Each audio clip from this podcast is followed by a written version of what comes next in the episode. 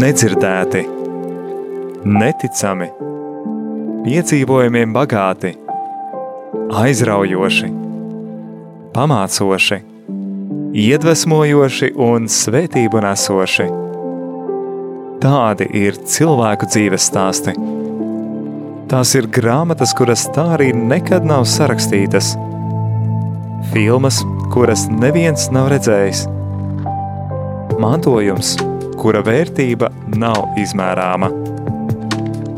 Raidījums dzīves stāsti – tā ir unikāla iespēja ielūkoties šajā dārguma lādē. Klausies raidījumu katra mēneša pirmajā trešdienā, pulksten 17.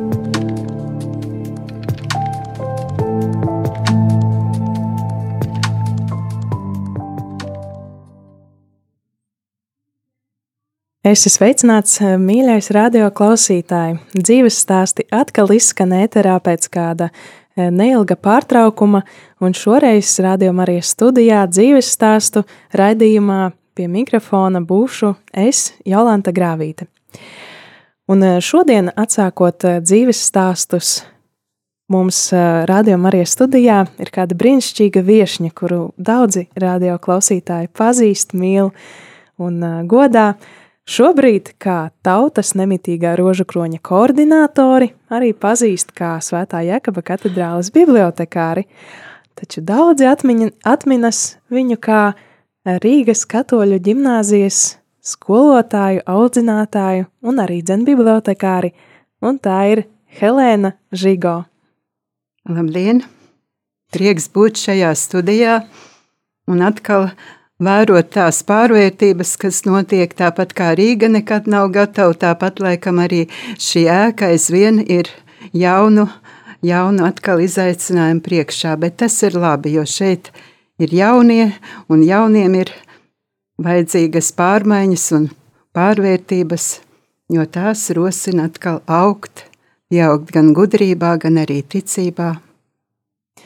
Redz, kā noteikti šai radio Marija ēkai, eh, kur šobrīd atrodas radio Marija, arī varētu veselu atsevišķu dzīves stāstu raidījumu veltīt, un uh, tur noteikti arī jums būtu ļoti daudz ko pastāstīt, bet šajā reizē mēs uh, gribētu ieklausīties, labāk iepazīt un um, uzzināt, kā tad jūsu dzīves stāsts ir risinājies un uh, kā jūs esat nonākusi līdz tam, kur jūs esat šobrīd. Uh, Nu, tad varbūt sāksim ar jūsu bērnību. Kur tā ir norisinājusies, kur jūs esat dzimusi, augusi un kādas ir tās bērnības atmiņas? Dzimusi esmu Latgalē un jāsaka tādā diezgan attālā nostūrī. To sauca par fračku sāģu, nezinu, vai viņa tagad ir, jo daudz jau ceļu, izceļojuši no turienes ir, un vecākā paudze ir mūžībā aizgājusi, un tas ir netālu no Baltkrievijas un Krievijas robežas, kur atradās tās augtais draudzības kurgāns, un jāsaka, ka tagad tā draudzība ir tā pabālējusi ar šīm divām lielajām kaimiņu valstīm, bet nu, tolaik tur gan krievi, gan latvieši dzīvoja sadraudzīgi, jo visus jau vienoja tas dižais aicinājums veidot to komunismu, un jāsaka, arī ticības ziņā tur bija gan pareizticīgie, gan vecticībnieki, gan arī katoļi. Nu, mūsu ģimene Mēs bijām laikam vienīgie latvieši šajā, šajā sāģā, un, bet krievu valodu jau vajadzēja iemācīties agrīnā posmā, jo bez tās jau nevarēja nekur iztikt. Un arī visa dokumentācija nā, tur tika kārtota Krievu valodā. Bet nu, man kā bērnam tas nelikās svarīgi, jo vairāk jau man saistīja tā daba, un es biju tāds dabas bērns, un bija liela brīvība jo nebija jau nekādu tādu, kā mēs tagad, kur mazie bērni jau aizraujas ar, ar, ar tām, e, jau telefons jau ir katram, un arī tās video ierīces visas, jo mūsu mājā tolaik nebija ne radio, ne televizora, par telefoniem jau nerunājot, bet nebija arī elektrības toreiz. Un vakaros jau tika aizdedzināta petrolejas lampa, un tās gaismā vectēvs lasīja avīzi, kura pienāca, tā bija cīņa, un tas bija pirmais vārds, kur es arī iemācījos un izlasīju lieliem drukātiem burtiem cīņa. Nu, un Ar kādām mantiņām tad spēlējās bērni tajā brīdī, ja nebija ne telefona, ne televizora, ne planšetes? Jā, tas ir labs jautājums. Nu, bija jau kaut kāda vecās mammas darināta babiņas, kā mēs saucām latgalē, darinātā lupatu lelle, un droši vien bija kāda pīlīta arī no, no, no plīša pagatavota, bet tā pavasarī, tad mīļākā nodarbe tikko atkusa vēl ārā sniegs un tad jau bija māla bedre, un tad visādas māla pīlītes un māla, kā saka, veidojumi paša, pašas rokām tika darināti un likti turpat arī žālēties, lai, lai nu, nožūst tās mantiņas. Bet tā bērnībā tie mani, kā saka, tuvākie sadraudzība bija ar tiem Maikustoņiem bija suns duksītis un kaķenīte minna, un tad jau bija vistu pūciņš un gailis, un tur tā kā ar viņiem varēja darboties un sarunāties. Nu, kādreiz jau mums tās arī nesaskanēja, jo viņiem bija atkal citas gaitas. Un tad man pašai arī atlika daudz laika vērot dabu, un arī nu, bija tādi eksistenciālas dabas, var teikt, tādas pārdomas bija jo pieaugušie bija ļoti nodarbināti, aizņemti ar saviem darbiem. Un es, piemēram, tolaik domāju, kā tas ir, ka pasaulē nav gala, jo teica bezgalīga. Nu, kā tas ir bezgalība? To es tā kā nevarēju saprast. Es domāju, nu, pagaidi, mēs te aizējām aiz tā mūsu meža, bet tur tālāk ir tas un tas, un vēl kaut kas, nu, kā tad nekur nav tā gala. Un pie tā es domāju, kā atceros, Un tad vēl bija arī tā, tādas pārdomas, kā tas ir, kad es kādreiz nebūšu. Nu, labi, man ir tā kā apraksts, bet es taču palieku, kaut kas tāds paliekošs būs. Es nedomāju tieši par dvēseli, varbūt es to vārdu pat nezināju, bet bija kaut kas tāds, ka, ka, ka nu, nevar cilvēks tā pilnīgi izgaist un palikt tikai kapā. Tā kā tādas, tādas pārdomas rosījās, no ko es tā šobrīd atceros. Un tad jau, tā kā šobrīd arī ir ziema, tās ziemas dienas jau bija tādas diezgan, diezgan vienmuļas, jo ārā, diemžēl, diemžēl man nelaida, jo tas vēl bija tas pēckara laiks, kad nebija apau, un tad jau Ziemas bija augstas, kā atceros, un tad tas krāsnes mūrītis, un uz tā bija saklātas tur vecas aitādas, un tur jau mēs tad ar kaķi vadījām tur tās savas stundas klausoties gan pieaugušos, un vēlāk jau arī e, sals izveidoja leduspuķes, e, un tad jau varēja dienā vērot tās, bet Vakarā gribēju paskatīties, kas tur ārā notiek, un tad ar siltu dvašu pūšot, pūšot tai, tai rūtī, tad tur izdevās kādu skatu laukumiņu atkausēt, un tad bija patika skatīties, kā ārā tas sniedziņš tur mirguļo, un tādi kristāliņi tur, un pārdomāt, un tad domāt, nu jā, tur varbūt arī vilks parādīsies, jo vilki bija realitāte, bija aiznesuši arī aitiņas, jo, nu tā, tur vajadzēja pieskatīt, un arī, nu tas manā laikā nebija, bet dzirdēju, ka arī suns bija aiznests. Vai jums arī bija brāļi, māsas vai kādi kaimiņu bērni, ar ko spēlēties un uh, runāties? Nu, diemžēl bija tā, ka Kādu laiku es viena pati biju, bet tad mammas māsa ar, ar trim saviem bērniem bija pārbraukusi uz Latgalu un kādu gadu dzīvojam kopā. Nu, un tad jau viņi atbraukuši bija no Rīgas, jo, jo mammas māsai veselība pasliktinājās, un ārsts ieteica laukus izvēlēties. Un tad jau tie Rīgas bērni tur no ar viņiem bija tā, ka vecā mamma teica, nu tas pilsētas bērns ir glupāks par lauku teļu.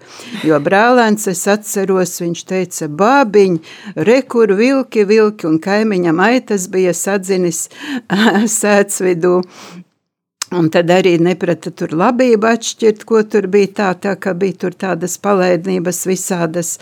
Nu, un tad jau, tad jau tā šo to jau man arī iemācīja kādus nedarbus, bet nu, tā uz tādiem lieliem nedarbiem es bērnībā nebiju. Nu, vienīgi bija tāds nedarbs, nu, tā, tās vistas jau dēja pa dažādām pažobelēm, un vecā mamma jau gāja un savāc tās olas, un tad es biju iedomājis, ka es taču tev vistām uztaisīšu perēkli, un tad, lai tā mana vistiņa, kas man bija tāda īpaši iet tur dēt, un tad es tās olas tur veidoju zem rožu krūma savu perēkli, un vecā mamma brīnās, nu kur tās olas paliek, un izrādās bērns tur ir sanesis olas, un vista, protams, ja nedomāju tur iet, nu tā, nu tās bija tādas mazas, mazas palaidnības, bet jāsaka, bija liela, liela brīvestība, es atceros vienu tādu svētdienas dienu, laikam tā bija pieaugušie mājās, nu tā, vecā mamma lūdzās bieži un, un rožkroni lūdzās, bet, nu, mani kā bērnu jau tas tā mazāk saistīja un, un tā īpaši,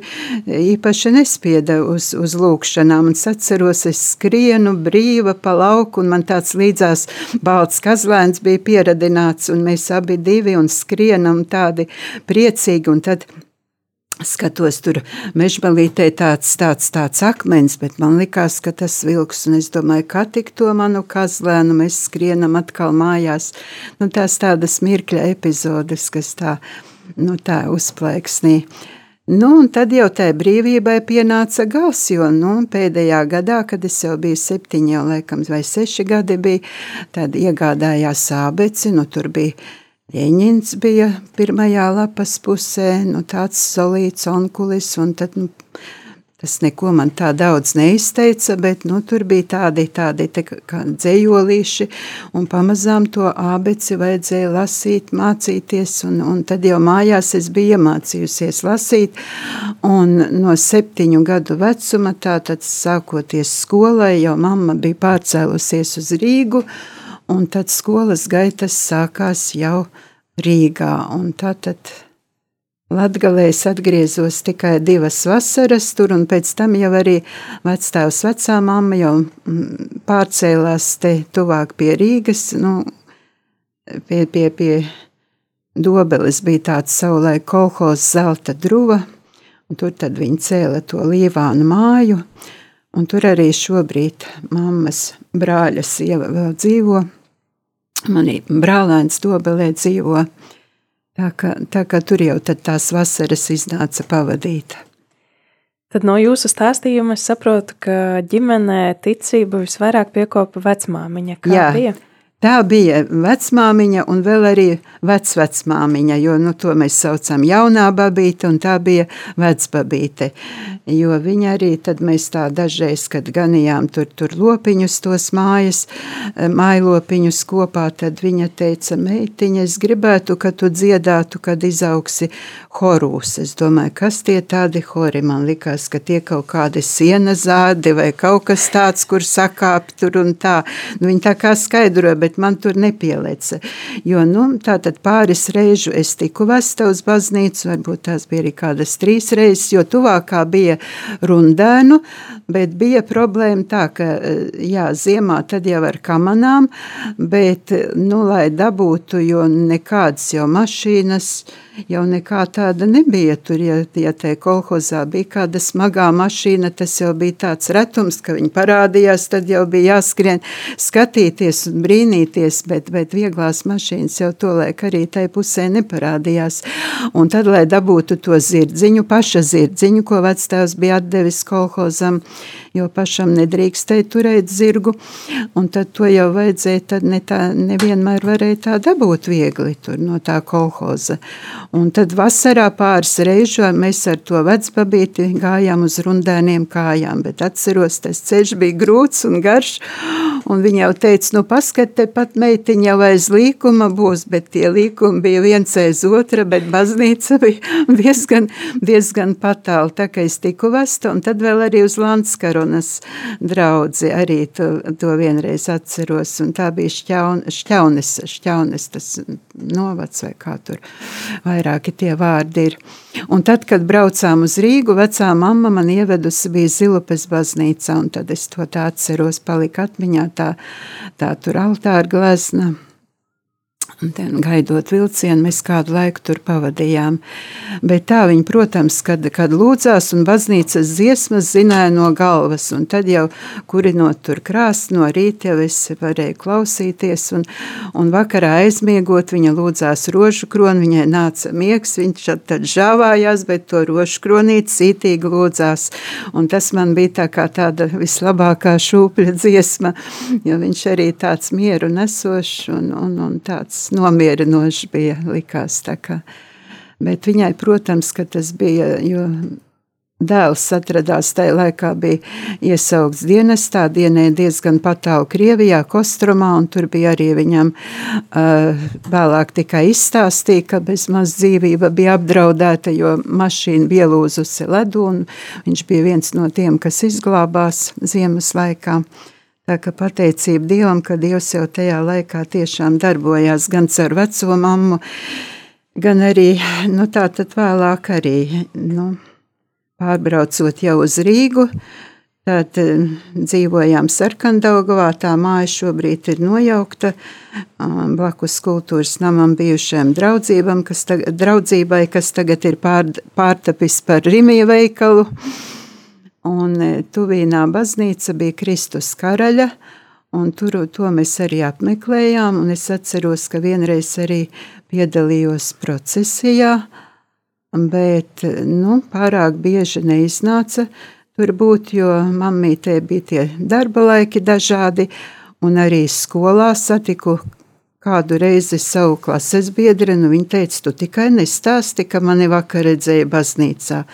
Nu, es tā īsti nesapratu, bet, nu, protams, kad atturējos no, no, no tām runām, un pēc tam jau, pēc tam jau bija saprotams, kāpēc tas tā, un jāsaka, ka es pati arī kādu laiku, kad nāca tie pusauģu gadi, arī vairāk sāku ticēt tam, ko stāsta skolā, gan to visu vēsturi, jo mājās it kā bija, bija citas sarunas un skolā, un tas likās tik pārliecinoši par tiem visiem komjauniešiem, kas tur darbojušies un tā, un, un, un, un tiešām, un, un vajadzēja jau dziedāt arī, ka bija tie lielie pasākumi, tad jau nedziedāja jau Dievs svētī Latviju, bet dziedāja to internacionāli skolas zālē, kur bija vārdi, ka ne cers, ne varoņi, ne dievi tos laikus nenesīs.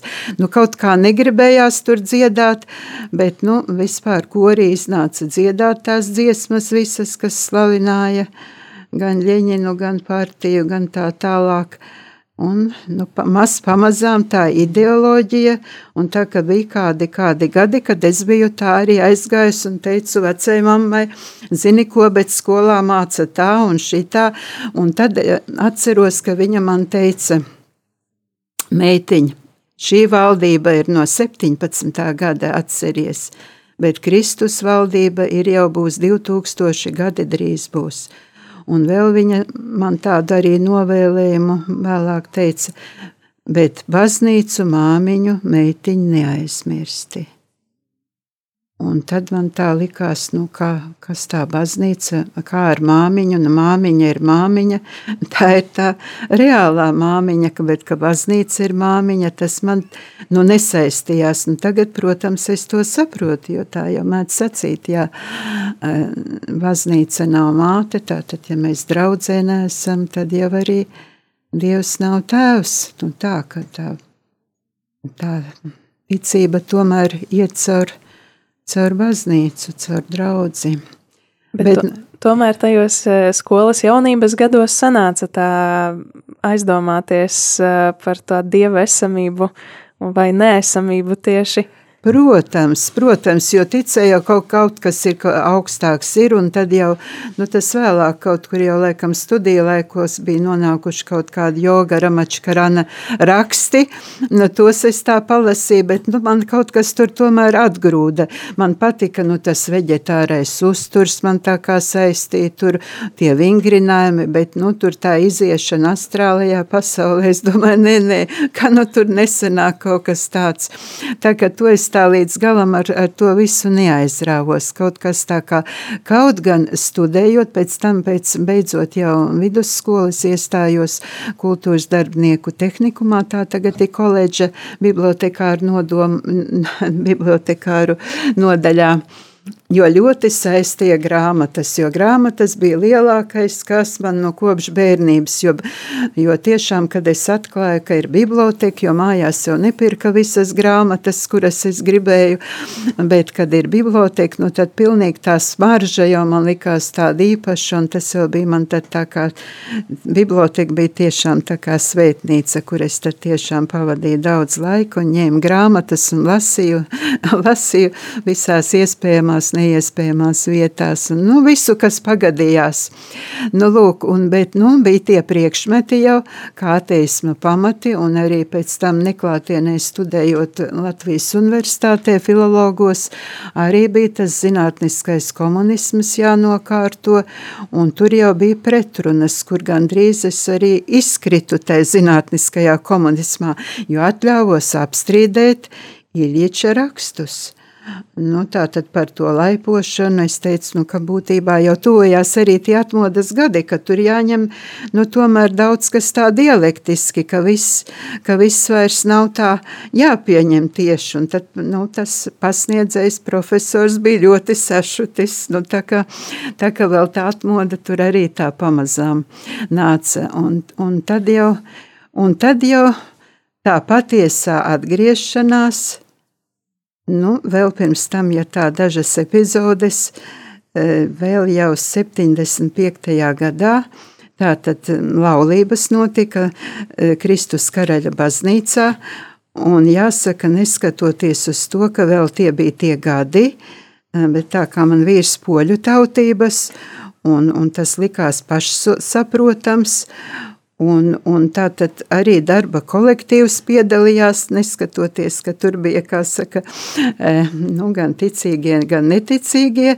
jo tolaik bija tā filma mūzikas skaņas, un tā filma bija tā ļoti, ļoti, var teikt, cilvēkiem patika uzrunāt. Tas bija mūzikas slavens ar Kristoferu Plammeru, un, un tur tā pirmo reizi tika parādīta tā arī mūķene, Un būtībā nu, tādā pozitīvā gaisotnē arī, arī tā kristī, kristīgā ticība tika parādīta. Būtībā šī ģimene, kur nu, bijusi mūķene, sāk kā skolotāja, kā bērnu audzinātāja darboties, un, un tas cilvēkus kaut kā tā uzrunāja, un tad tas likās tā moderni laulāties baznīcā. To jau vairs neuzskatīja par tādu, nu, kā saka, tum, tumsonību vai atpalicību. Tā kā mēs tā, var teikt, publiski salauzāmies. Protams, ka vispirms bija tas dzimtsarakstu e, tā, tā, tā, tā nodaļa, jo šobrīd jau, jau pietiek ar baznīcas laulību. No nu tā. Un arī bērni tika kristīti, bet nu, vēl kāds laiks līdz atmodai pagāja, un tad jau likās, pagaidi, nu bērniem taču tā kā vajadzētu, un, un, un to, to ticības mācību, jo pati es diemžēl biju palikusi bez, jo svētdienas skolas tajā laikā nebija, un vecā mamma arī, nu tā, darbiem bija aizņemta, mamma arī neviens nebija tā sagatavojis, un, un legāli jau nekur arī nevarēja tā, tā kā es biju palikusi, nu tā bez, bez un nebija jau arī ne, ne grāmatu, nekā no kā, jo vecai mammai bija tāda nodariskāta lūkšana grāmata jau no, no sen seniem laikiem, un mammai bija palikusi no viņas skolas laikiem eh, svētā vecās un jaunās derības eh, nu, tāda vēsture, vēsture, kur bija tādi melnbalti zīmējumi, no tos es šķirstīju, Bērnībā tie man arī uzrunāja, tā es īpaši atceros to bildi, kur ir tie grēka plūdi, kā tur tie cilvēki glābies pie to šķirstot, tā domāju, kas tā, kā tas ir, kad nav kur, nav kur augstāk kāpt, un arī tur, kur, kur um, ved to Ābrams uh, savu dēlu Izaku un ved upurēt, uh, arī tā bilde tā uzrunāja, lika padomāt, kā tas tur varēja tā būt. Nu, tā kā bija jau kaut kas tāds, bet grāmatu kā tādu nebija, un tad notika tas lielais brīnums, ka sākoties atmodas gadiem, Tēvs Smelters, viņš vēl tobrīd Vācijā, bet jau bija atsūtījis pie bīskapa Cakula, bija kastes ar grāmatām. Un tad mums nodibinājās Jākab katedrālē, kur es sāku darboties, kur mēs ar bērniem kopā svētdienas skolu izgājam, un viss tā strauji kopā, eh, nu tā sadraudzīgi notika, jo abi dēli arī bija kā ministranti Jākab katedrālē, un, un toreiz jau tie vecākie ministranti bija tagad tagadējais profesors un mūsu Jēkab katedrāls prāvests Pauls Kļaviņš, un otrs ministrants bija Liepājas bīskaps Viktors Stulpins. Nu, viņi vēl bija jauni cilvēki tajā laikā, un tad viss tā strauji notika, un tēvs Peņķuš darbojās kā viceprāvests, un, un prāvests bija Zikfrīds Naglis, un pēc tam jau tēvs Smelters pārņēma, atbrauc no Vācijas, bet par šīm grāmatām runājot, Nu, tā tad nodibinājās katoļu biedrība Adveniat, un tur bija gan e, šie aizmetņi tagadējai, kas ir karitas, jā, tur gan tās drēbes tika sūtītas jau no ārzemēm vai ne, un tas mums bija liels pārsteigums, jo tā drēbes, un tad tur dalīt, un tā, un tā, tā kādā reizē man māsa Paulīne, kur arī bija tur kā katehēte un, un kā dežurante, viņa atnes tās drēbes, saka, Helēna, ņem un izvēlies, ko tev, es domāju, paga, bet tas taču ir priekš nabagiem, kā es tā ņemšu, viņi saka, bet mēs paši taču esam, jo to bija grūti uzreiz pieņemt šo, šo šīs humanās, kā saka, veltes, ko mums sūta jārs ārzemnieki, jo mēs taču paši, ja kaut kas saplīsa, zeķīts vai kas lāpījām un tā, un tas bija ierasts, un kā tā uzreiz, ne no kā, ne par ko tas bija tiešām tā uzreiz neierasti. Tagad liekas jau pats par sevi saprotams, humānā tur palīdzība un karitas, tas tā bija sākumā ļoti, ļoti neierasti, jo bijām pieraduši tā paši par sevi. Nu, lūk, un tad tur tās kastes, uzzinot, ka es esmu kā bibliotekāre, nu, bīskaps Cakuls teica, nu, jūs tur atlasat tagad katoļu, katoļu būs tā biblioteka pie draudzes, kaut ko atlasat, un tad, kad tās kastes es atveru vienu un otru, tad, nu, tiešām, nu, nāca bez mastā, ā, vai ne, jo redzot tās grāmatas, kuras, nu, Es nebiju savā dzīvē neredzējis neko, jo tiešām tad tas mūris sabruka, ka tik daudz literatūras. Tomēr par ticību, par, par dievu. ticību, par visu. Jo būtībā, kad sākās atmodas, es griezu no avīzēm, bija tā padoma jaunatne, un tur jau kaut kas parādījās par ticību. Katrs raksts likās tik vērtīgs, es krāju viņus un tā, un pēkšņi tādas bagātības, nu tur tiešām bija tā kā, tā kā trūka vārdu, tas bija, bija, bija tiešām tādā pozitīvā nozīmē šoks, un jāsaka, klasītāji arī bija ļoti, ļoti daudz, sākās arī tas barikāžu laiks, un tiešām mums tur Augststāvā tagad jau biblioteka ir citā vietā, blakus adorācijas kapelē, bet nu, nāca tie cilvēki, un, un es pati strādājot skolā, arī, arī ar bērniem varēju iepazīstināt, un, un tiešām nu, tā visa, visa literatūra, kas parādījās pārdošanā, gan tie kalendāri pirmie, gan katoļu dzēves, kas, kuras varēja pasūtīt, tiešām cilvēki stāvēja rindā, un tas, nu, nu tagad tās lietas ir pašsaprotamas, bet tad tas toreiz bija kā liels, liels dārgums, kā tiešām kaut kas tāds, nu, kas, kas bija no mums paslēpts visus tos gadus. Un jau aizsākot to brīdi, kad jūs uh, sākāt uh, kalpošanu baznīcā un tādu dzīvi ar baznīcu, tad tagad uh, noklausīsimies dziesmu, uh, kuru jūs pati arī esat izvēlējusies ar nosaukumu Dzīve ir svētceļojums. Kāpēc Jā. tieši šo dziesmu? Nu, kāpēc šo dziesmu? Tāpēc, ka um, pirmais svētceļojums no Jākaba katedrāles tika organizēts 89. gadā, un tas bija tā vēl paslēpus, jo vēl jau, vēl jau nebija Latvija atzīta, jo tikai 90. gada 4. maijā tātad tika pieņemta šī neatkarības deklarācija. Un tātad vēl šis pirmais svētceļojums bija tā paslēpus. Un, bet mēs ar ģimeni bijām tie, kas pavadījām, bijām svētajā misē, šos pirmos svētcerniekus lūdzamies un ļoti gribējās iet, bet es vienkārši nebiju gatava pat, nu, nezināju par šo svētceļojumu.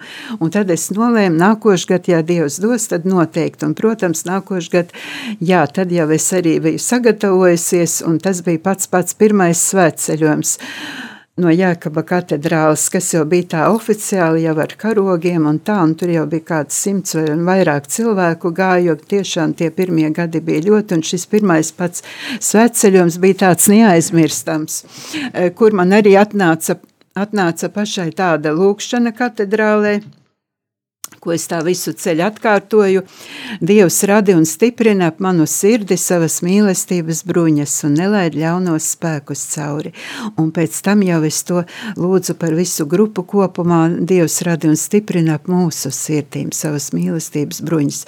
Jo jāsaka, gāju tādā ļoti asketiskā, asketiskā veidā ar gavēņiem, ar tādām lūkšanām, kas tiešām bija nepārtrauktas un Un tā, tā pirmā vēl tāda ļoti nepieredzētā iešana beidzās tā, ka varēja viņa beigties arī tas dzīves gājums saprauties, jo ieejot aglonā, nu kaut kā tā atslābinājos, ka nu ir izpildīts tas, uh, tas kā saka, gājiens, jo Jēkab katedrālē pirms tā svētceļojuma tēvs Peņķušs teica, nu tu tur kā skolotāja arī drusku paskaties, lai viss būtu tā kārtīgi, nu tā, lai nebūtu kaut kādi tur arī tāda daudzīšanās, jo gāja arī bērni, pusauģi gāja, un tad es tā ļoti, ļoti centos pie visa tā piestrādāt, un lūk, ieejot es tā atslābinājos, un, un, un bazilika bija pilna, pilna ar cilvēkiem, un jāsaka, pirms tam jau bija tā pieņemts, kā pirms komunijas jau neko neēda, ja? un es nebiju neko ēdusi tajā rītā.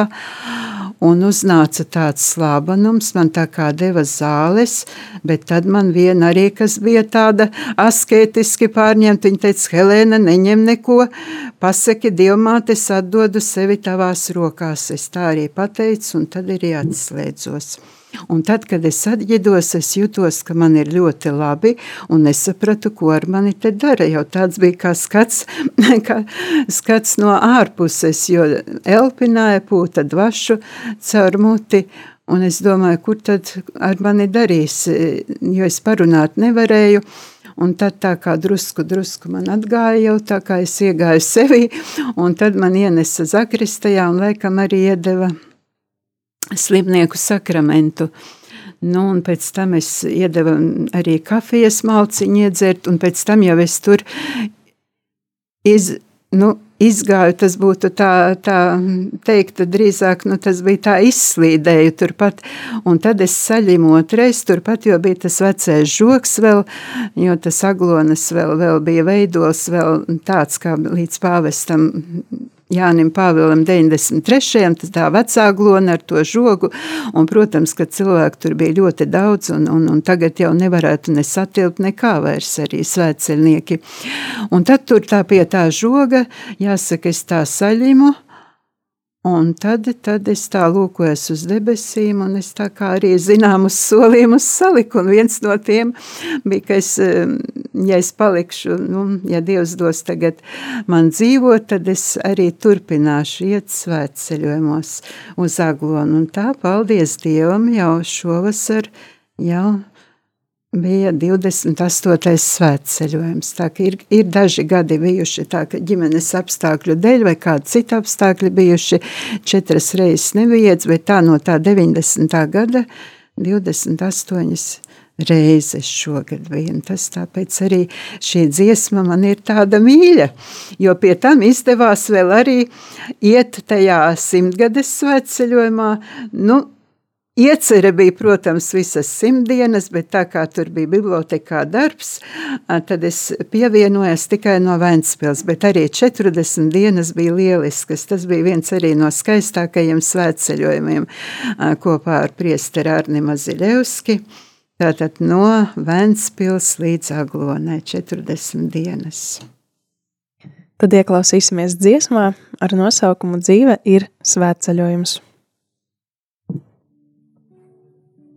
Piedod, lūdzies, priecājies, mūžīgā ir mīlestība, mūžīgs ir Dievs. Esi pacietīgs, nesteidzies, paļaujies, mūžīgā ir mīlestība, mūžīgs ir Dievs. Ja stāvu sirdīs mainīs, ja tu to viņam ļausi, mūžīgā ir mīlestība, mūžīgs ir Dievs. Mūžīgā ir mīlestība, mūžīgs ir Dievs, dzīve ir svētceļojums.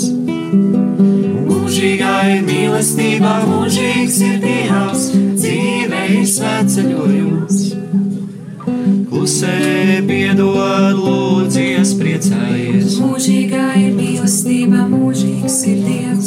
Esi pacietīgs, nesteidzies, paļaujies. Mūžīgā ir mīlestība, mūžīgs ir Dievs. Dievs tavu sirdīs mainīs, ja tu to viņam ļausi. Mūžīgā ir mīlestība, mūžīgs ir Dievs. Mūžīgā ir mīlestība, mūžīgs ir Dievs, dzīve ir svētceļojums. Mūžīgā ir mīlestība, mūžīgs ir Dievs, dzīve ir svētceļojums.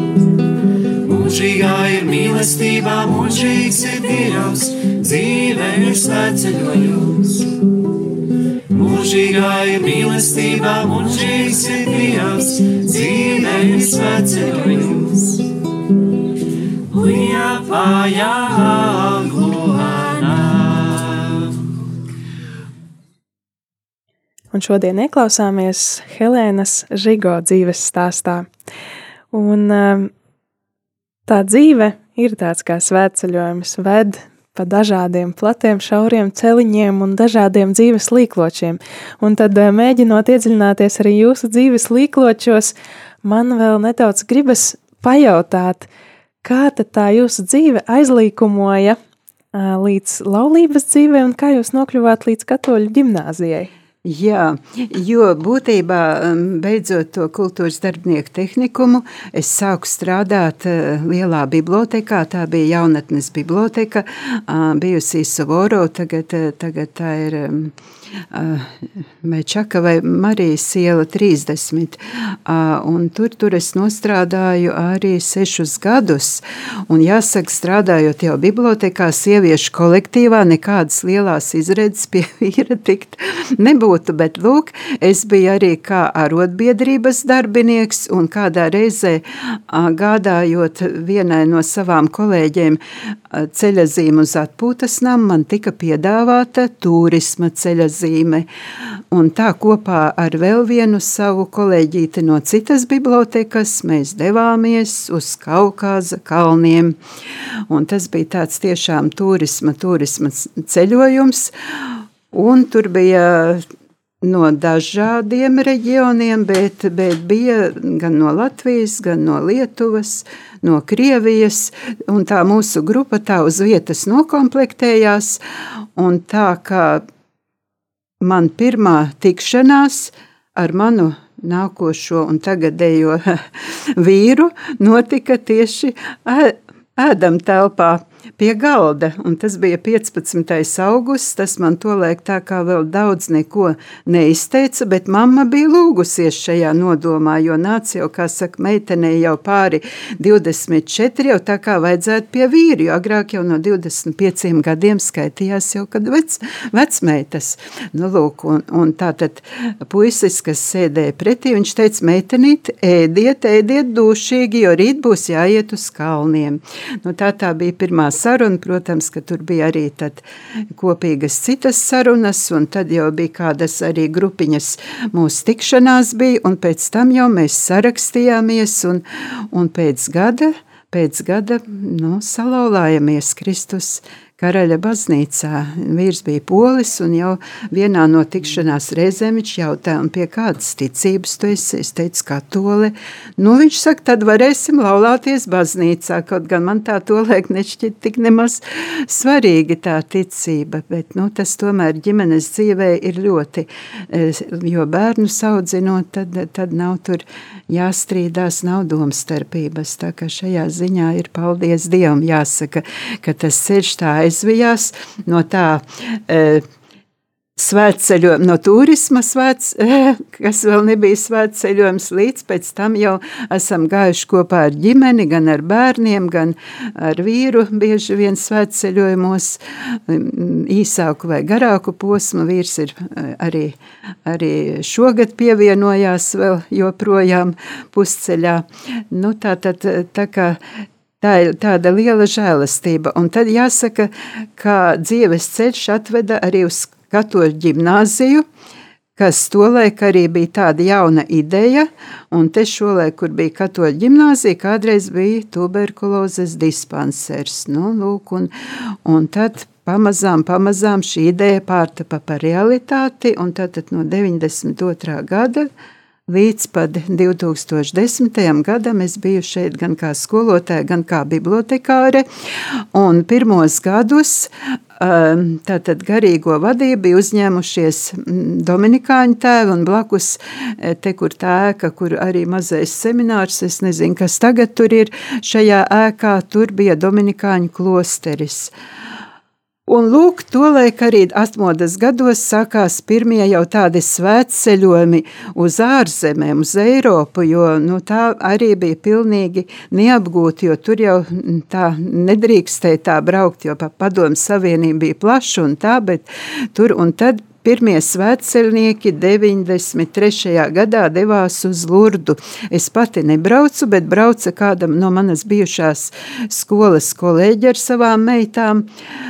Un es lūdzos par viņu, jo viņa pirms tam tā to ticību viņa bija teikusi, ka viņa netic ne tam, ne tam. Es domāju, lai Dievs pie viņas piestrādā un lai viņa no šo ticību svētceļojuma laikā eh, nu, kaut kas notiek ar, ar to viņas eh, neticēšanu. Un atveda viņas meitiņa tādu aicinājumu, kas bija poļu valodā, jo atceļā viņi bija griezušies Čenstohovā, un tur bija Benedikta medaļons, eh, viņa bija iegādājusies, un bija arī skaidrojums par šo medaļonu poļu valodā, un vēl bija arī kāds aicinājums, un viņa man lūdza, tā kā es poļu poļu valodu daudz maz pratu, lūdza pārtulkot. Un izrādās, Tātad par šo medaļonu, protams, es iztulkoju, bet tas aicinājums, tas, nu, tas aizrāva tiešām, jo tas likās, ai, tā taču ir tāda ideja, kas mums arī der ne tikai poļiem. Tur bija aicinājums poļu tautai veidot tā saukto nemitīgo rožu kroņa lūkšanu ap savu zemi, lai nebūtu nevienas stundas, gan dienā, gan naktī, kur kāds lūdzās rožu kroni. Tā visa polija tiktu apjost ar nemitīgas lūkšanas mūri. Es domāju, tas ir kolosāli. Mums taču ar kaut ko tādu vajag, jo bija gan tas eh, nesenā pagātnē, gan, gan tas Baltijas ceļš, gan arī katedrālē tur pie altāra, tā kā bija barikāžu laiks arī nepārtraukti mainījās, tātad tie lūdzēji. Un, protams, atsaucība bija liela, un tas bija 93. gads, jā, un brauks pāvests pie mums, un cilvēki pierakstījās uz stundām, un tā kā īsā laikā tika izveidot šī burtnīciņa, tur bija kaut kur jau pie 300 lūdzējiem un bija tās stundas sadalītas, bet tā vadītāja mums nebija. Ko tad darīsim tālāk un cik ilgi lūksimies? Un dažs jau saka, nu varbūt jau pietiks, viss tā kā ir kārtībā. Un tad um, bija, bija tādas um, skolotājiem rekolekcijas, un mūsu ģimnāzijā kapelāns bija um, Dominikāņu tēvs Vilhelms Lapelis, tagad bīskaps emeritētais, kas Polijā un viņš iepazinās ar šo burtnīciņu. Viņš teica, o, es to varu vadīt. Un tad, jāsaka, Dominikāņu vadībā notika arī pirmā eh, šī rožu kroņa apvienības dibināšana šeit, Katoļu ģimnāzijas kapelā pie svētā Dominika kājām, jo toreiz altāra glazna bija svētais Dominiks šeit, jā. Un, pēc, un tā bija, tas bija Katrīnas no Sienas klosteris, arī Dominikāņu saucās. Nu, lūk, un tā eh, nodibināja tradīciju. 94. gada 5. martā bija šis pirmais salidojums, ka katra mēneša pirmajā sestdienā mēs tiekamies uz kopīgu lūkšanu, bet tā katrs privāti lūdzās savā izvēlētajā nedēļas stundā. Un jāsaka, paldies Dievam, ne bez viņa vadības un, ne, protams, ne bez Dievmā mātes, kas tur bija galvenā pie šīs lietas, jo e, tiešām šī lieta, man liekas, jo tagad īpaši vajadzētu atkal, nu, vairāk dalībnieku, jo daudz jau ir aizgājuši mūžībā, bet, bet nu, tas vecais kodols joprojām turas un joprojām mums eh, tātad šīs tikšanās notiks, un tātad, ja Dievs dos, tad tiekamies 4. decembrī, pulksten 12. Rīgā Svētās Marijas Magdalēnas baznīcā. Un pateicība Dievam, ka mums ir Radio Marija, kur var pieslēgties arī tie rožu kroņu lūdzēji no tālākiem, tālākiem Latvijas novadiem, jo mums ir kopas gan Krāslavā, Alūksnē ir, protams, arī Liepājā ir lūdzēji, Ventspilī ir, Jelgavā.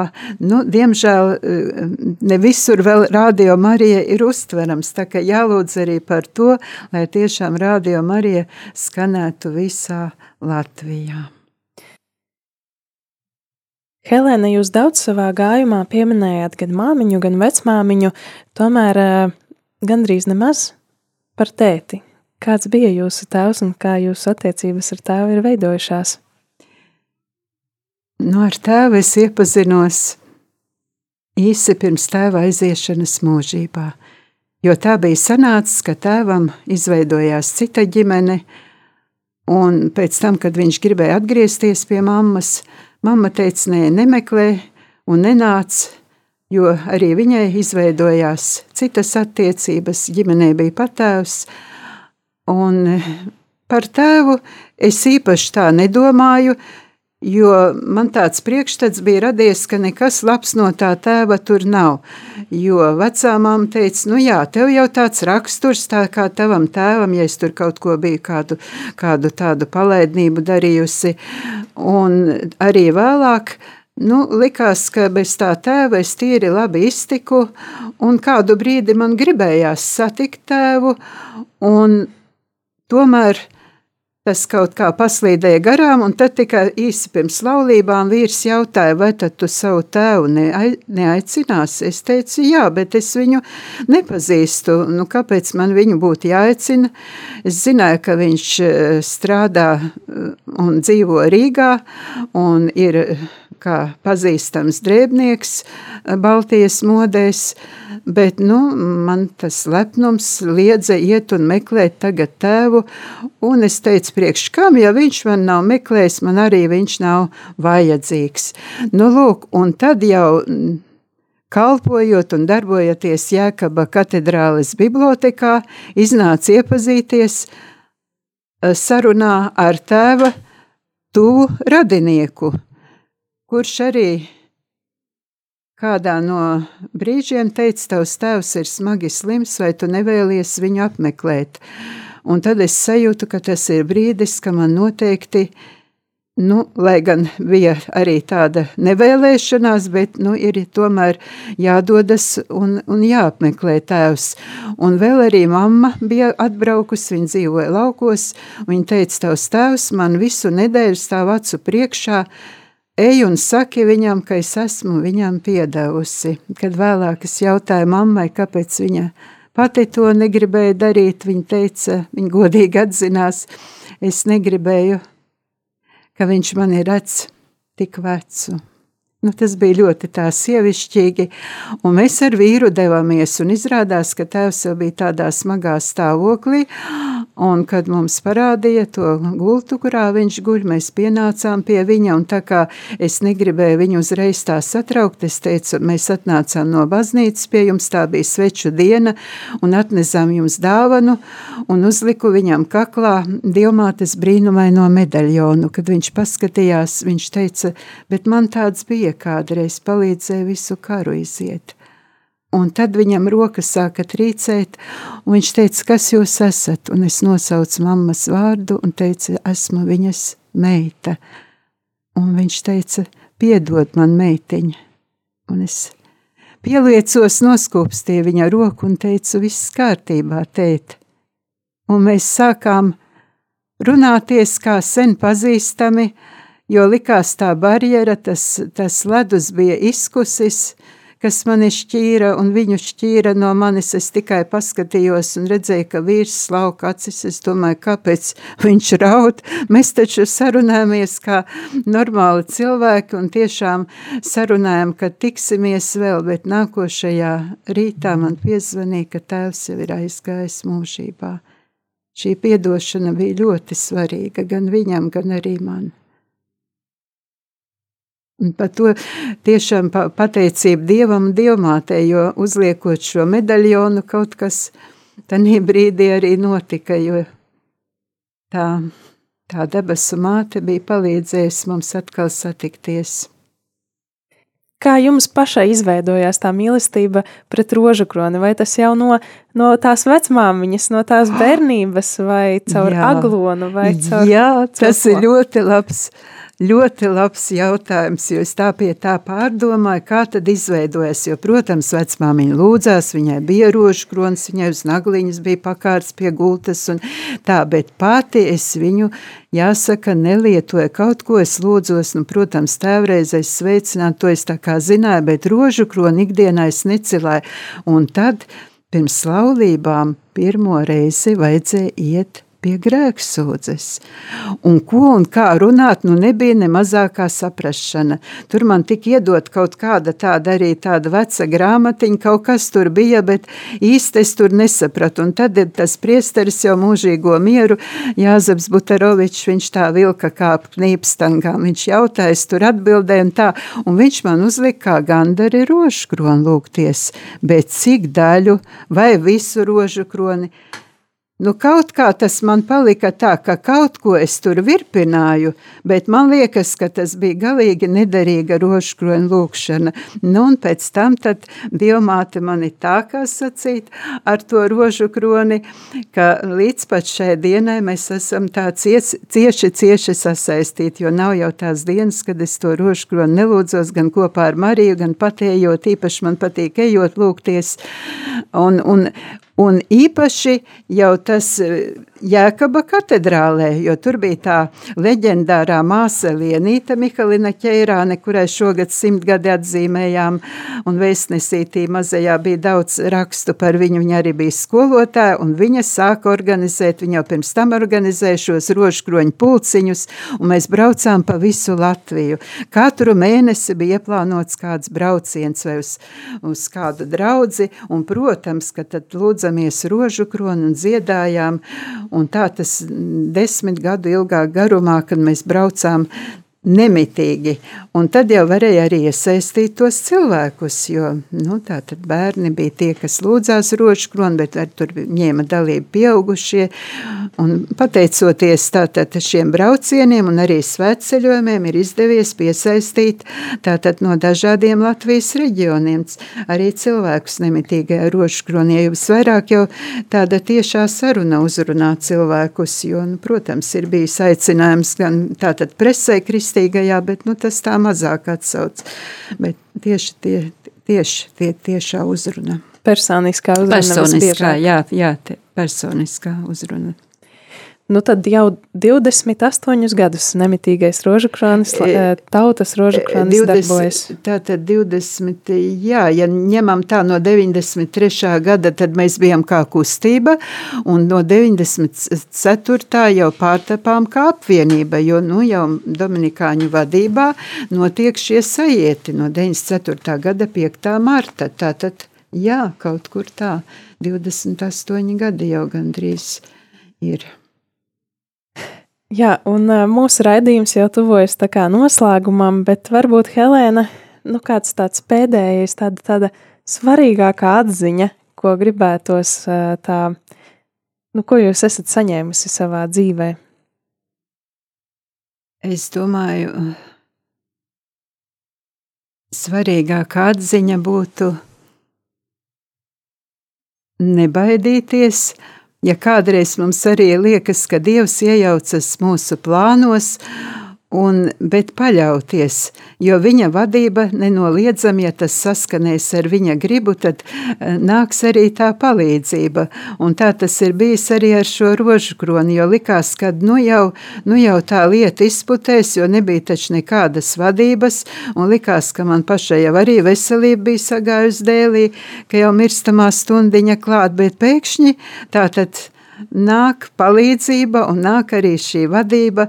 Un tā ir, var teikt, tādos grūtos brīžos, kad tavi cilvēciskie spēki jau ir izsmelti, tad nāk šī palīdzība.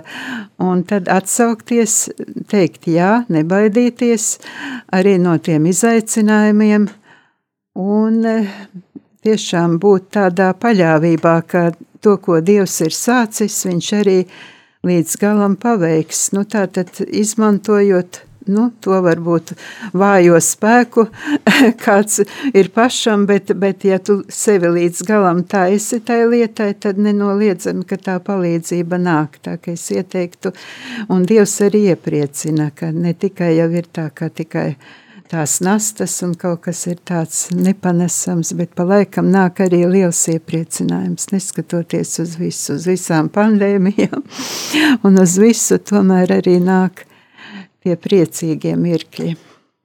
Sirsnīgs paldies, ka jūs sagādājāt arī priecīgu mirkli mums un visiem klausītājiem, ka dalījāties ar savu stāstu. Un tad, jā, Šoreiz dzīves stāstu raidījumu noslēdzam, un pie mums eh, tad vēlreiz atgādinu, ka viesojās um, tautas nemitīgā rožu kroņa koordinātore un svētā Jēkaba katedrālis bibliotekāra Helēna Žigo. Paldies! Nedzirdēti, neticami, piedzīvojumiem bagāti, aizraujoši pamācoši, iedvesmojoši un svētību nesoši. Tādi ir cilvēku dzīves stāsti. Tās ir grāmatas, kuras tā arī nekad nav sarakstītas, filmas, kuras neviens nav redzējis, mantojums, kura vērtība nav izmērāma. Raidījums dzīves stāsti Tā ir unikāla iespēja ielūkoties šajā dārguma lādē. Klausies raidījumu katra mēneša pirmajā trešdienā, pulksten 17.